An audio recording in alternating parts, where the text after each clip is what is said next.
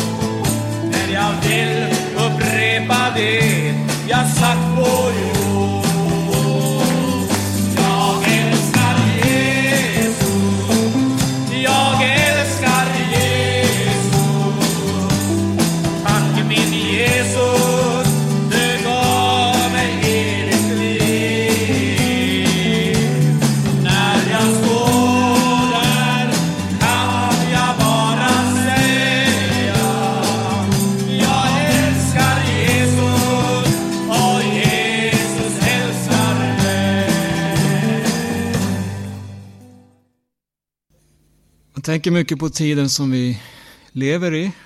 Det, det är en eh, svår tid på många sätt. Om man tänker på eh, den religiösa världen så, så finns det så, så mycket vad kan man säga, synkretism. Alltså det, det, det blandas ihop väldigt mycket som länkas i varandra. Och så blir det alltså synkretism, vad man syr ihop. Vi har islam, vi har östens religioner, vi har katolicismen, vi har eh, kristendomen, vi har evangeliska församlingar och så vidare. Och så, och så, och så finner man ur alla de här bitar som man tycker att det här kan vi samarbeta med, det här kan binda oss samman. Och så skapas det en världsreligion. Och det här är, eh, det här, det här är saker som, som jag tycker mig se när, när, när man läser om vad som händer ute i världen. Att, att det här kommer mer och mer. Det är, det är viktigt att vi har kunskap om, om saker och ting som sker. Verkligen. Men vi kan också ha väldigt mycket kunskap om allting och ändå inte ha fått fatt på vad är det mest väsentliga. Och eh, det är lite så här jag har, mina tankar har gått när, när, när jag funderar på de här tillfällena som man får då att kunna eh, dela Guds ord och då, då, då, då, finns det en sak som jag, jag, jag tycker den, det, det är A och O för oss allesammans. Och det, det, är, det är det här att ha en rätt kunskap om Jesus. Inte bara en rätt kunskap om Jesus, utan att ha en eh, personlig relation med Jesus och veta vem han är och att, att han är verkligen en person med innehåll som fyller våra liv. Vi skulle kunna eh, sätta som tema på, på, på det här mötet och kanske några möten till framöver berättelsen om Jesus. Den är så stor. Tänk, tänk, tänk att få måla Jesus, att få, att, att få se vem han är.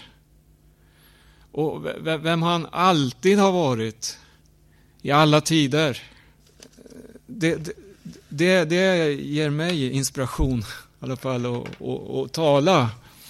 Om man, om man tänker sig det, det, det, jag nämnde först här nu, allt som sker i tiden.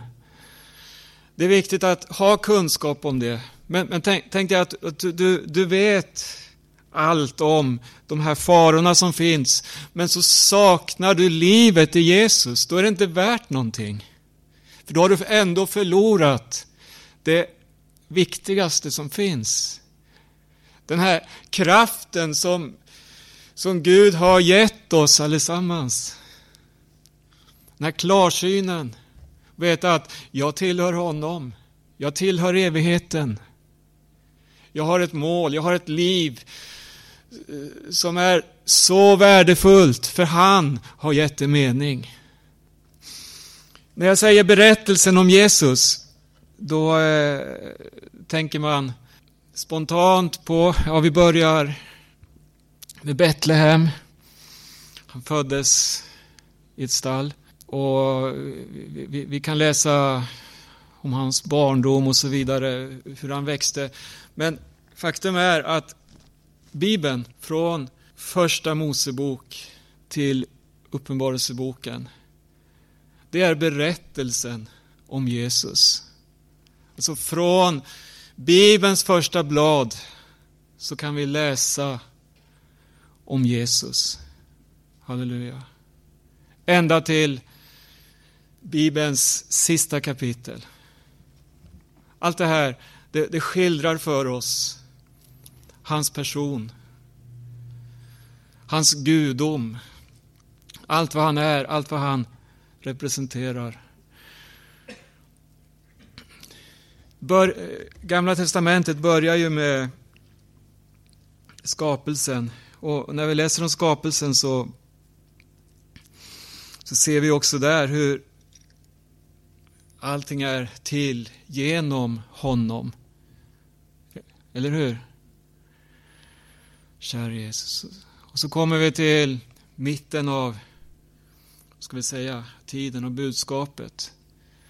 Då Jesus trädde fram i person.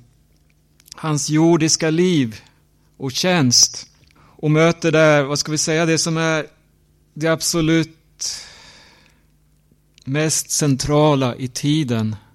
Det som är tidens absoluta mittpunkt. Vad är det om inte när Jesus ger sitt liv för hela mänskligheten? Det finns ingen annan dag som kan jämföras med den. Golgata. Historien delas i ett förr och i ett nu. Det, alltså det, vi ser det som hör tiden till. Och sen har vi också i slutet där allting sammanfattas och allting försonas just i Jesus Kristus. Vad jag vill nu under några minuter det är, det är att försöka måla Kristus för dig. Och det, jag vet inte, det är svårt med ord men det måste till ande också. Och så till hungriga hjärtan, alltså längtande själar. Just det här att man kommer, att man vill ha mer av honom. Man vill lära känna honom. Annars blir det bara teori, men det är inte så bara det heller, det är också värdefullt, kunskapen. Men, men just det här att han är så levande, han talar. Vi, vi, vi, vi går lite sakta fram här. Om vi tittar i första Mosebok så har vi ju skapelseberättelsen. Vi kan läsa bara de tre första verserna här. Det står att i begynnelsen skapade Gud himmel och jord. Jorden var öde och tom. Mörker var över djupet och Guds ande svävade över vattnet. Och Gud sade, var det ljus? Och det vart ljus. Så här börjar Gamla Testamentet att berätta om skapelsen. Om vi går till eh, Nya Testamentet då säger, då säger oss Nya Testamentet vid flera eh, tillfällen när den, när den berättar om Jesus att hur, hur han, han var till före skapelsen, hur han fanns innan tiden, alltså i, före atomer, molekyler, före, alltså innan det fanns överhuvudtaget någonting av materia. Så säger Nya Testamentet, där, där var Jesus. Så före tiden så finner vi Jesus. Och när man då sen läser, läser Gamla Testamentet och med, med det ljus som vi får i Nya Testamentets texter, och då ser vi att det harmoniserar så otroligt fint. Det, det, det, Gamla Testamentet backar verkligen upp de påståenden som vi har i Nya Testamentet om Jesus. Och vi ska ta och läsa några verser. Först när man tänker sig det, här, det sådana här uttryck som handlar om det som var innan tiden. Hur, hur, hur kan vi definiera ett sådant uttryck? När börjar tiden? Finns det någon här som har ett sådant klokt förstånd att han kan säga det? Om vi lyssnar på vetenskapsmännen så talar man ju om en eh, utveckling som har pågått, ja, man har lite olika, x antal miljarder år kanske 13 miljarder år enligt en, en del. Och man talar då om hur eh, det var en explosion, ett Big Bang. Och så försöker man utifrån den här tidpunkten då sätta en tid som sträcker sig så här linjärt. Säger att här har vi tiden. Men det finns ju ett före det också. Och någonting som, någonting som fanns innan, som var förutsättning då för detta Big Bang. Det finns andra teorier. Och, men, men, men vad heter han? Newton, han sa, han sa så här att förutsättningen för tiden, för att överhuvudtaget kunna tänka i tid, det är att det finns materia. Att det existerar någon form av materia. Annars finns det ingen tid, att, möjlighet att mäta tiden. Men nu, nu säger Bibeln, den använder uttryck som också kan vara lite svårt att eh, eh, applicera. För, för, för, att om vi är i någonting som är tidlöst, då, då, då, då, är det svårt att säga vad är före, vad är efter tiden. För, för jag menar tiden, när tiden inte existerar, då, då, då, ja, då finns det bara en, en evighet. Eller hur? Det blir som metaforer när man säger tiden. Men Bibeln, den, den säger, använder ändå de här uttrycken. Före världens skapelse, exempelvis. Och när skedde då världens skapelse? Ja, det, det, det finns jättemånga teorier om det här. Om det är en ung jord eller äldre jord och så vidare. Jag, jag tänker inte gå in på det, för här, här finns det så mycket olika begrepp och, och tankar, men, men det, det, är inte mitt syfte, utan mitt syfte det är att peka på vem Jesus är. För att honom kan du inte rymma inom tiden, inom det som vi kan beräkna. Vi kan tala om, vi, kan, om, vi tror ju på skapelsen, eller hur? Att Gud har skapat.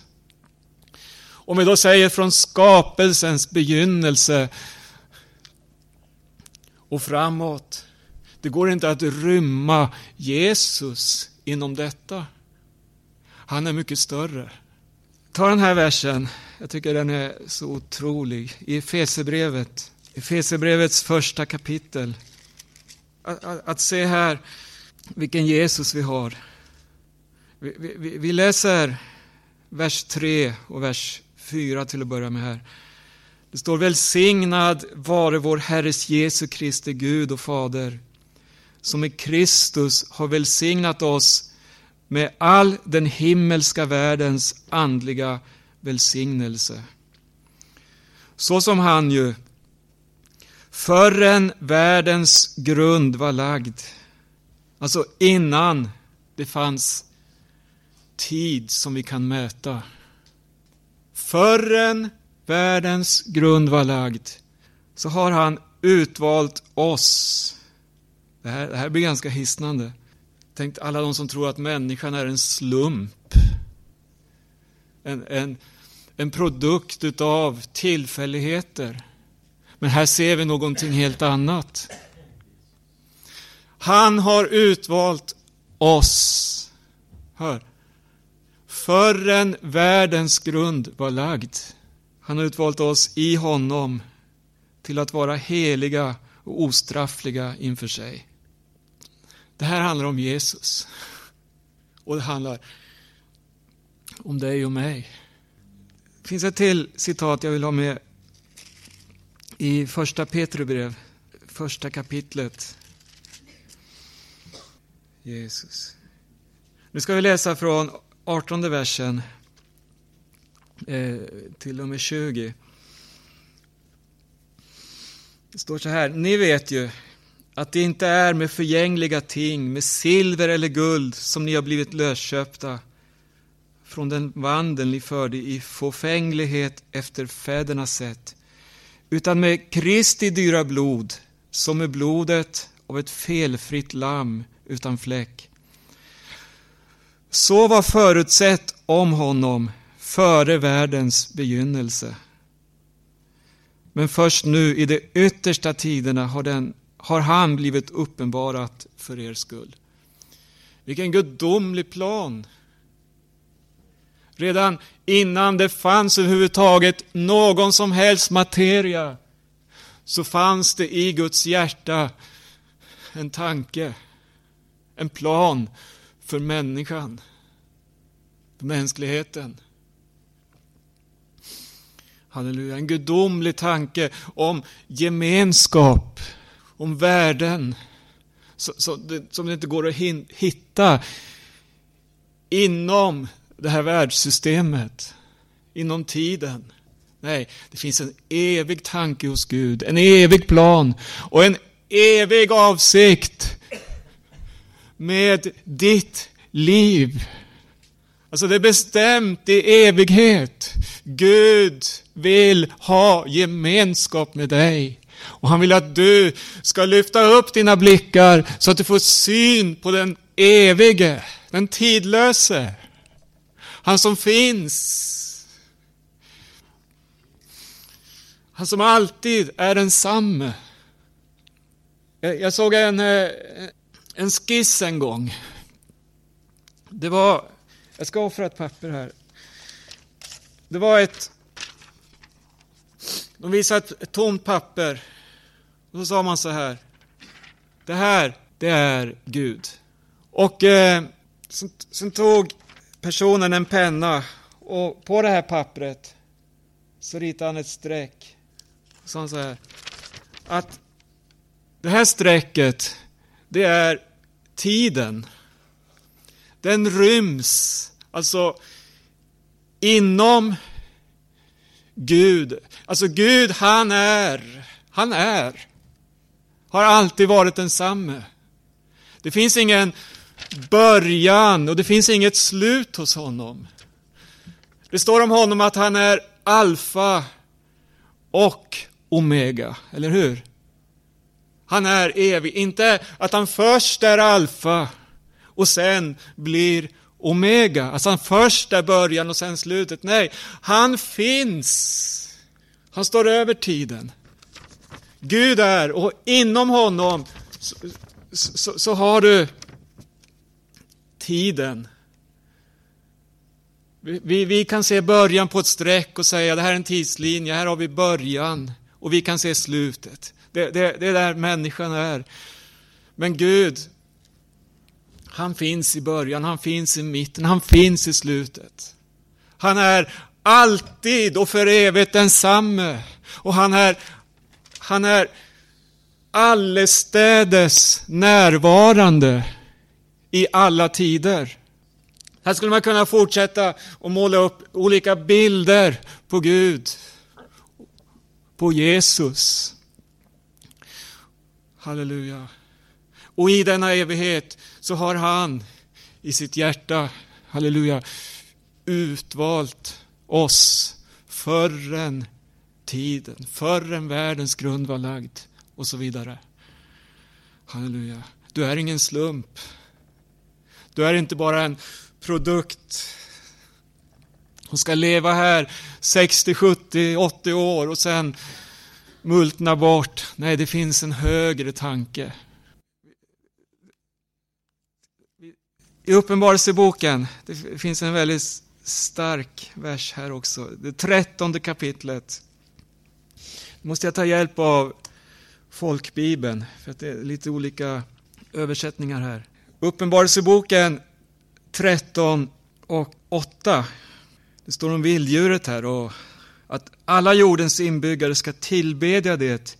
Ja, en var som inte har sitt namn från världens begynnelse skrivet i Livets bok, det slaktade Lammets bok.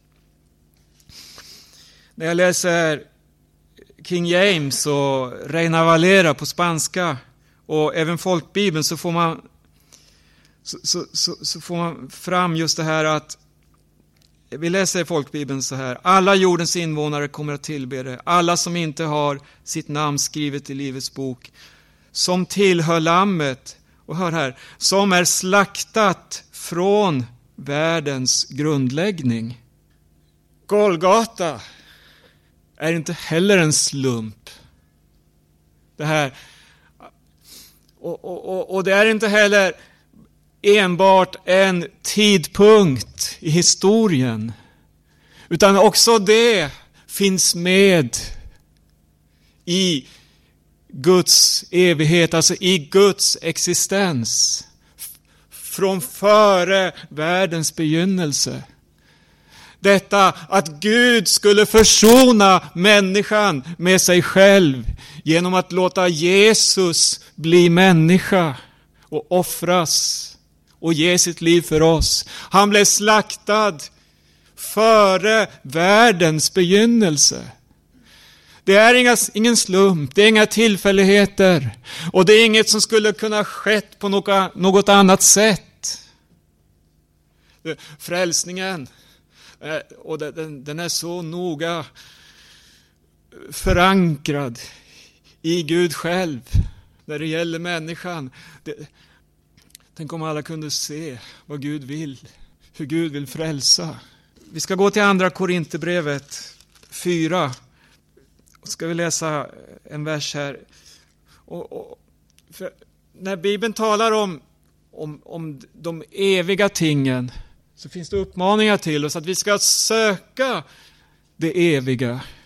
Och vad hände, om jag säger så här, vad hände utanför tiden, alltså före världens skapelse? Om vi använder de här begreppen före och efter. Vad hände då innan tiden? Vad, vad, vad Bibeln visar på, det, det, det är att det handlar om det osynliga.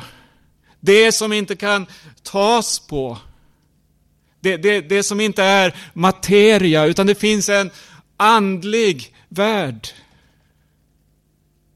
Som Gud vill uppenbara för varje människa. Och i den här andliga världen, i det här osynliga, det är där vi får möta den osynlige som Bibeln också säger. Och få våra ögon öppnade så att vi kan se honom. Få erfara vem han är. Det finns inget kött som kan ärva Guds rike, exempelvis. Det finns inga gärningar som kan nå fram till honom. Utan allting handlar om födelse, en ny födelse. Att bli född av Guds ande. Att få bli delaktig av hans natur. Att få bli lik honom. Och, då kom, och Bibeln säger att vi, som det står här i andra Korinthierbrevet 4, 18. Kära Jesus, det står åt oss som inte har till ögonmärke de ting som synas. Hur står det i folkbibeln där? Ja, just det. Vi riktar inte blicken mot det synliga, utan mot det osynliga. De ting som inte synas. De ting som synas, de varar allenast en tid. Men de som inte synas, de varar i evighet. Halleluja. Tänk att få syn på den evige. Vi riktar inte blicken på det jordiska. Tack Jesus. Det, det, det står i Kolosserbrevet 3 också. Det blir många bibelcitat här.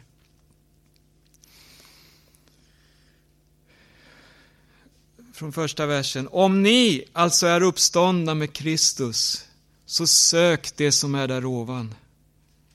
Halleluja. Där Kristus är och sitter på Guds högra sida. Jag har ert sinne vänt till det som är där ovan, inte till det som är på jorden. Till ni har dött, hör, ni har dött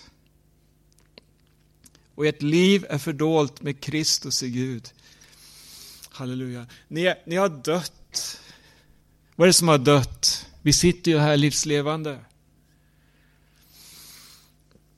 Jesus, det här timliga, det här som hör tiden till, allt det kommer att förgås. Allt det har sin, sitt bäst före datum, eller vad säger man?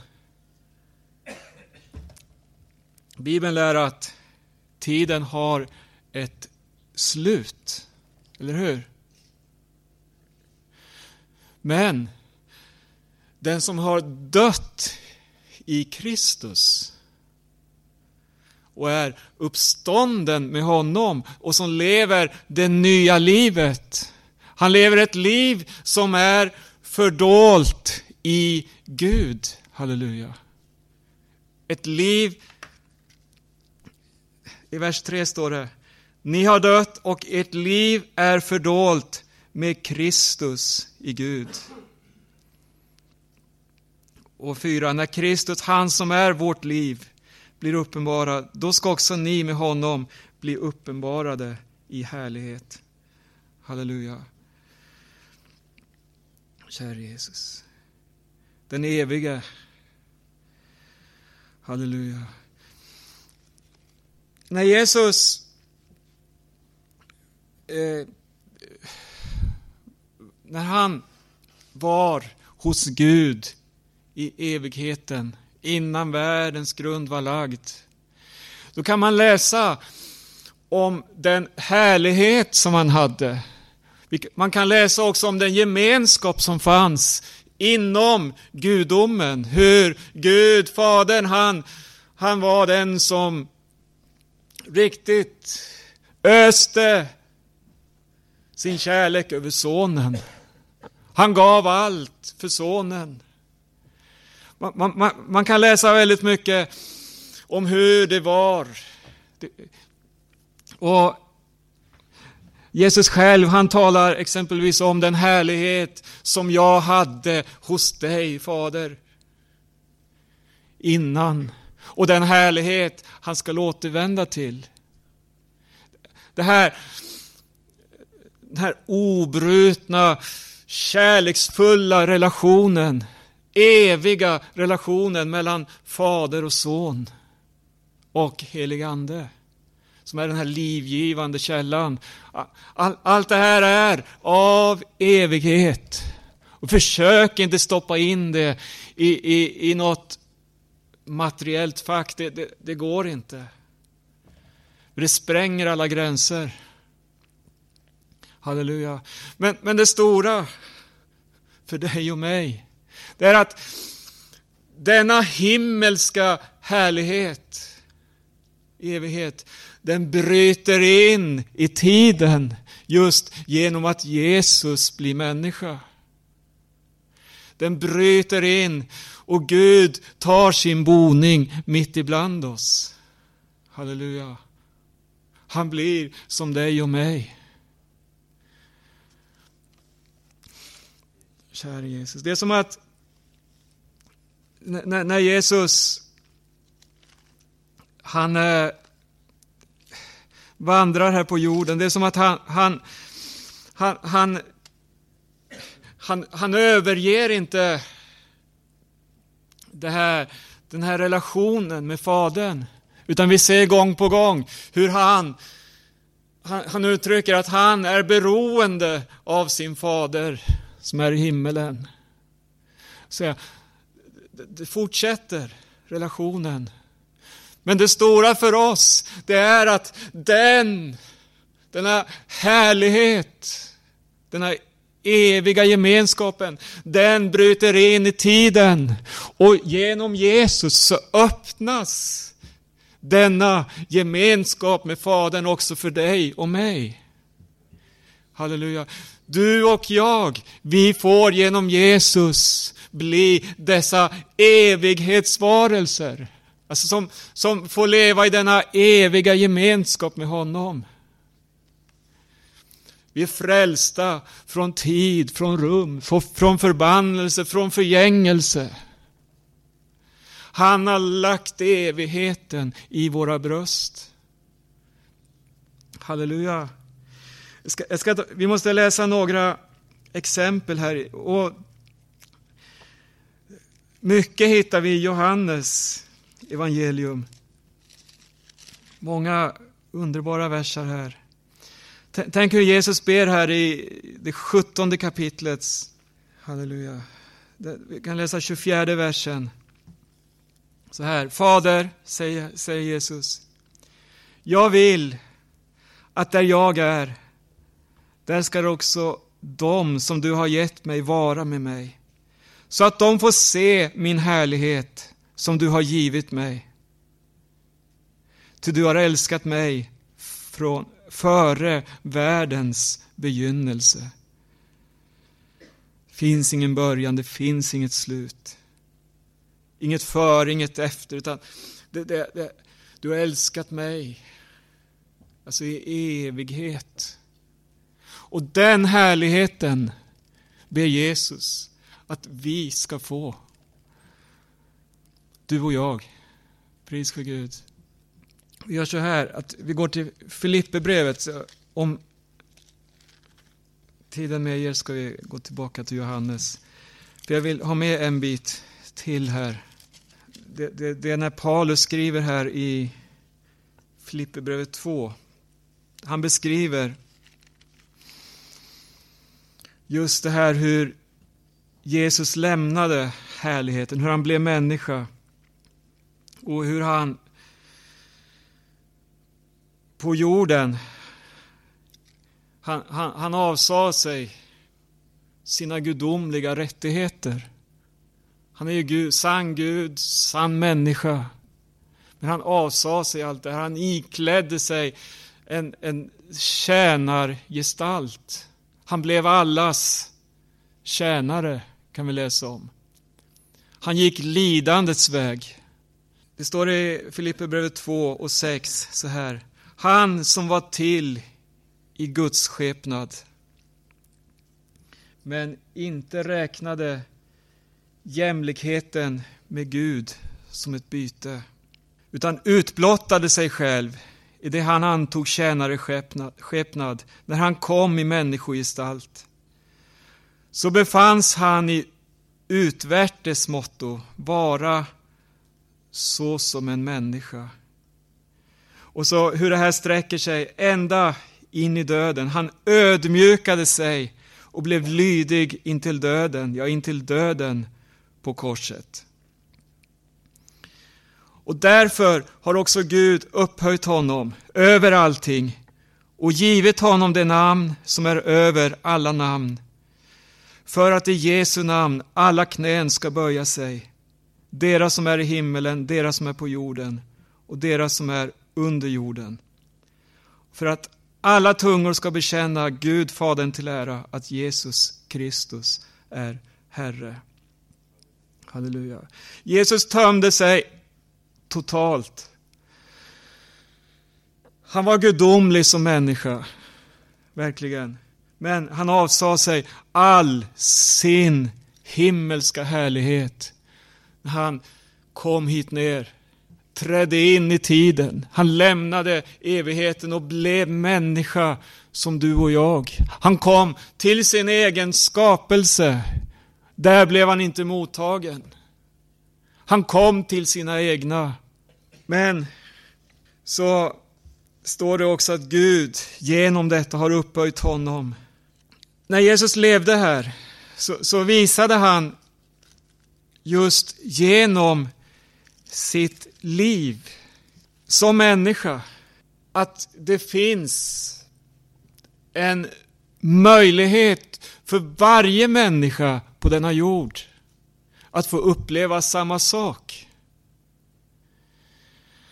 Han, han avlade sig, han, han, han lämnade ifrån sig, avsade sig just den här härligheten. Han, han, han tänkte, han gick här, begränsade sig som en människa. Lät sig föras bort. Lät sig bli misshandlad. Han gjorde allt det här. Men inte bara det, utan han visade också att det fanns en himmelsk kraft som, som, eh, som bar också Jesus när han vandrade här på jorden. Jesus sa exempelvis så här att jag kan inte i mig själv göra detta. Och så, så talar han om hur beroende han var av Fadern. Utan dig, Fader, kan jag inte göra någonting, sa han. Det, det, här, det, här, det, det är som att han talar om för oss att det finns också en möjlighet för oss att vandra så som Jesus vandrade. Halleluja. Han visar en väg. Han gör sig begränsad. Han visar svaghet. Och så säger han, följ mig. Ja, men det går ju inte. Jo, det finns en kraft. Det finns en gudomlig kraft. Så här står det i Apostlagärningarna 10 och 38. Det står förkunnelsen om Jesus från Nasaret och om hur Gud hade smort honom med helig ande och kraft. Honom som vandrade omkring och gjorde gott och botade alla som var under djävulens våld. Ty Gud var med honom. Så står det om Jesus. Han var smord av Fadern. Han var smord av helig ande och kraft. Och så hade han makt att bota sjuka och driva ut onda andar. Det, det är som att säga till församlingen, samma kraft finns hos er. Halleluja. Men vad står det? Vad läste vi i Filipperbrevet? Gå tillbaka dit. Han var till i Guds skepnad, men inte räknade jämlikheten med Gud som ett byte, utan han utblottade sig själv. Han utblottade sig och antog tjänarskepnad. Han blev allas tjänare. Men där, i sin svaghet, så visar han på denna gudomliga kraft, alltså eviga kraften. Den evige Guden träder in och smörjer sin tjänare. Så att han går hela vägen, fullbordar loppet och vinner en full och härlig frälsning för dig och mig. Och så säger han, kom, följ mig. Jag ska visa dig vägen. Eller jag är vägen. Gå och så ger han dessa himmelska gåvor. Han öppnar våra ögon. Han säger, fäst blicken på det himmelska. Låt den himmelska kraften få falla ner över ditt liv och fylla dig. Öppna dina ögon och bära dig genom tiden. Paulus skriver så här också i, i samma Filipperbrev. Först Först läser vi här hur han beskriver Jesus. Så kommer vi in i tredje kapitlet. Då talar han om sig själv. Om sin egen bön, sin egen önskan. I och med att han har fått syn på den osynlige, den evige. Det står i åttonde versen så här. Ja, jag räknar i sanning allt som förlust mot det som är långt mer värt. Kunskapen om Kristus Jesus, min Herre. Ty det är för hans skull som jag har gått förlustig alltsammans och nu räknar det som avskräde, som sopor, på det att jag må vinna Kristus. Tidigare beskrev han här, han som var till i Guds skepnad, men som blev allas tjänare. Men nu säger han, jag vill också. Jag vill följa honom. Jag vill lägga av allt som är till hinder. Det är inte värt någonting. Han räknade det som avskräde för att bli funnen i honom. Inte med min egen rättfärdighet, den som kommer av lag, utan med den rättfärdighet som kommer genom tro på Kristus rättfärdigheten av Gud på grund av tron. Och så vers 10.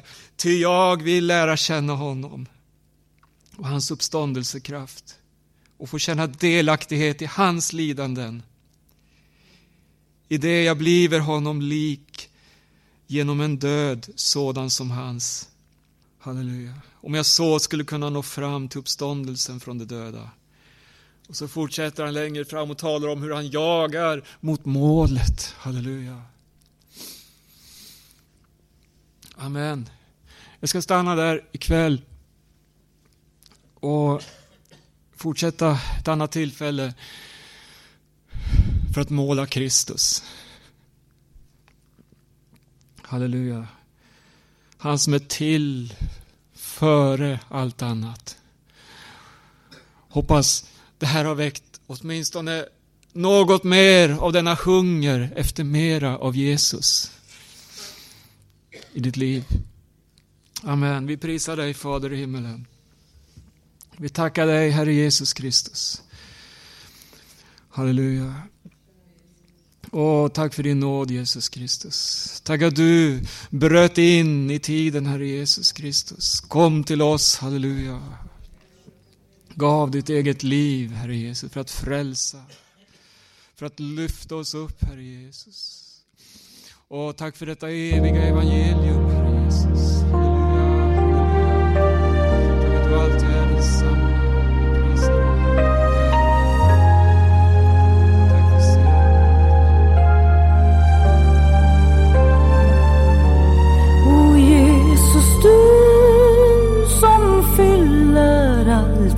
Vi alla som rik på trofasthet och kärlek är jag som Maria till din fot vill falla. Ty ingen viloplats är skön som där O frälsare, ditt sköna namn jag nämner. Ifrån mitt hjärtas djup jag lovar dig. Då alla tvivlens mörka skyar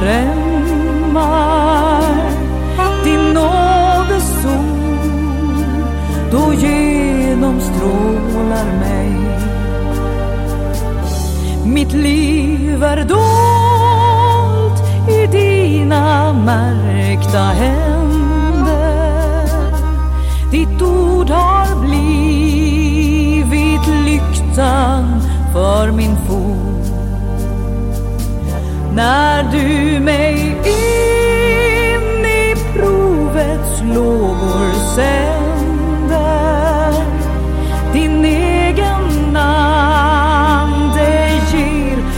kraft och mod. Låt elden alltid i mitt hjärta brinna. O Herre, tänd mig med din kärleksglöd så jag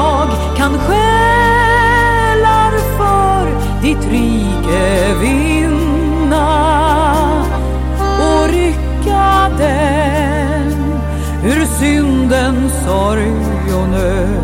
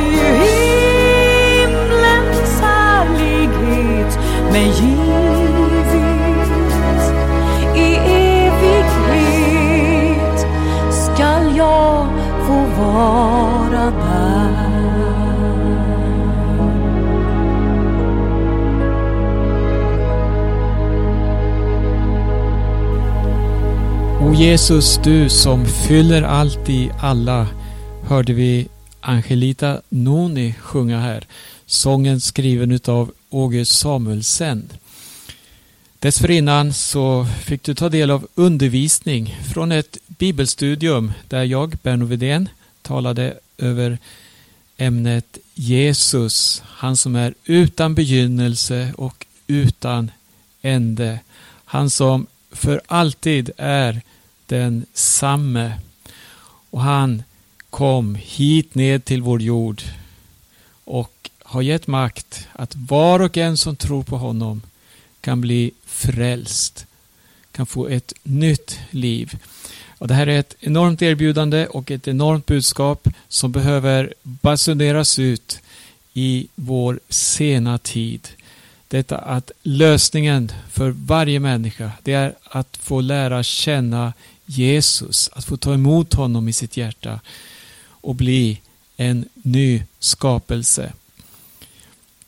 Vi ska lyssna till ytterligare en sång och det här är en församlingssång som är inspelad för en hel del år sedan. Men budskapet är odödligt. Det handlar om försoningen. O du Guds käre son med Arne Imsen och församlingen.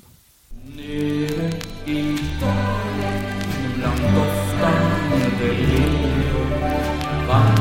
En vän som jag håller så kär. O, jag vill skynda att följa hans fotspår. Änglarnas viskning hans namn till mig bär.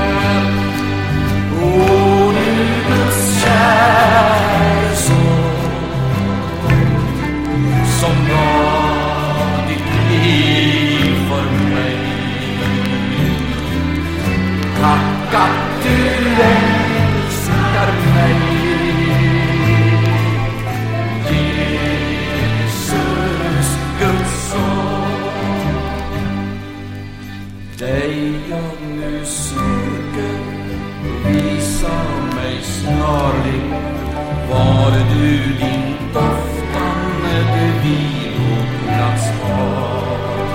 Var du om middagen vilar med jorden skyddad för hettan vid springkällan klar. O, du Guds kärlek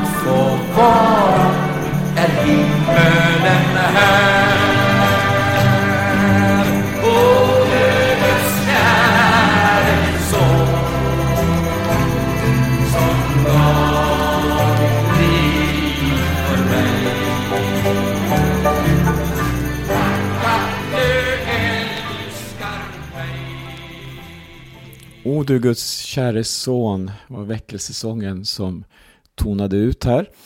Och du lyssnar till Radio Maranata. Vi har i det här programmet tagit del av undervisning. Jag ska pålysa lite i slutet av programmet. Under midsommarhelgen den 21 till 25 juni så är alla välkomna till Långshyttan i södra Dalarna. Där har vi midsommarmöten i Folkets hus. Så Maranataförsamlingen inbjuder till midsommarmöten i Folkets hus i Långshyttan. Det finns en annons på församlingens hemsida maranata.se. Där finns det också kontaktinformation för dig som vill veta mera. Vi har också alldeles nu i dagarna gjort klart ett nytt nummer av tidningen Minasropet. Och den har många mycket aktuella artiklar. Jag vill speciellt nämna en text. Den är skriven av Märta Berg Strömmare med rubriken Kom hit upp. Och ingressen säger så här. Finns det då något hopp? Ja, det finns ett hopp knutet till en person, Jesus Kristus. Har Gud någon plan? Ja, det har han. Kan vi lära känna Guds plan? Först av allt måste vi förstå att Guds plan i själva verket är delad i tre basala enheter. Israel, församlingen och världen. Det profetiska ordet låter oss få kunskap om vad dessa planer handlar om.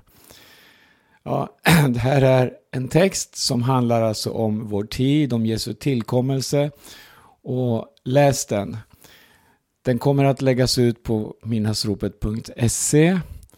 och du kan också beställa en eh, kostnadsfri prenumeration av tidningen genom att eh, gå in på hemsidan minnasropet.se och se där på kontaktinformation.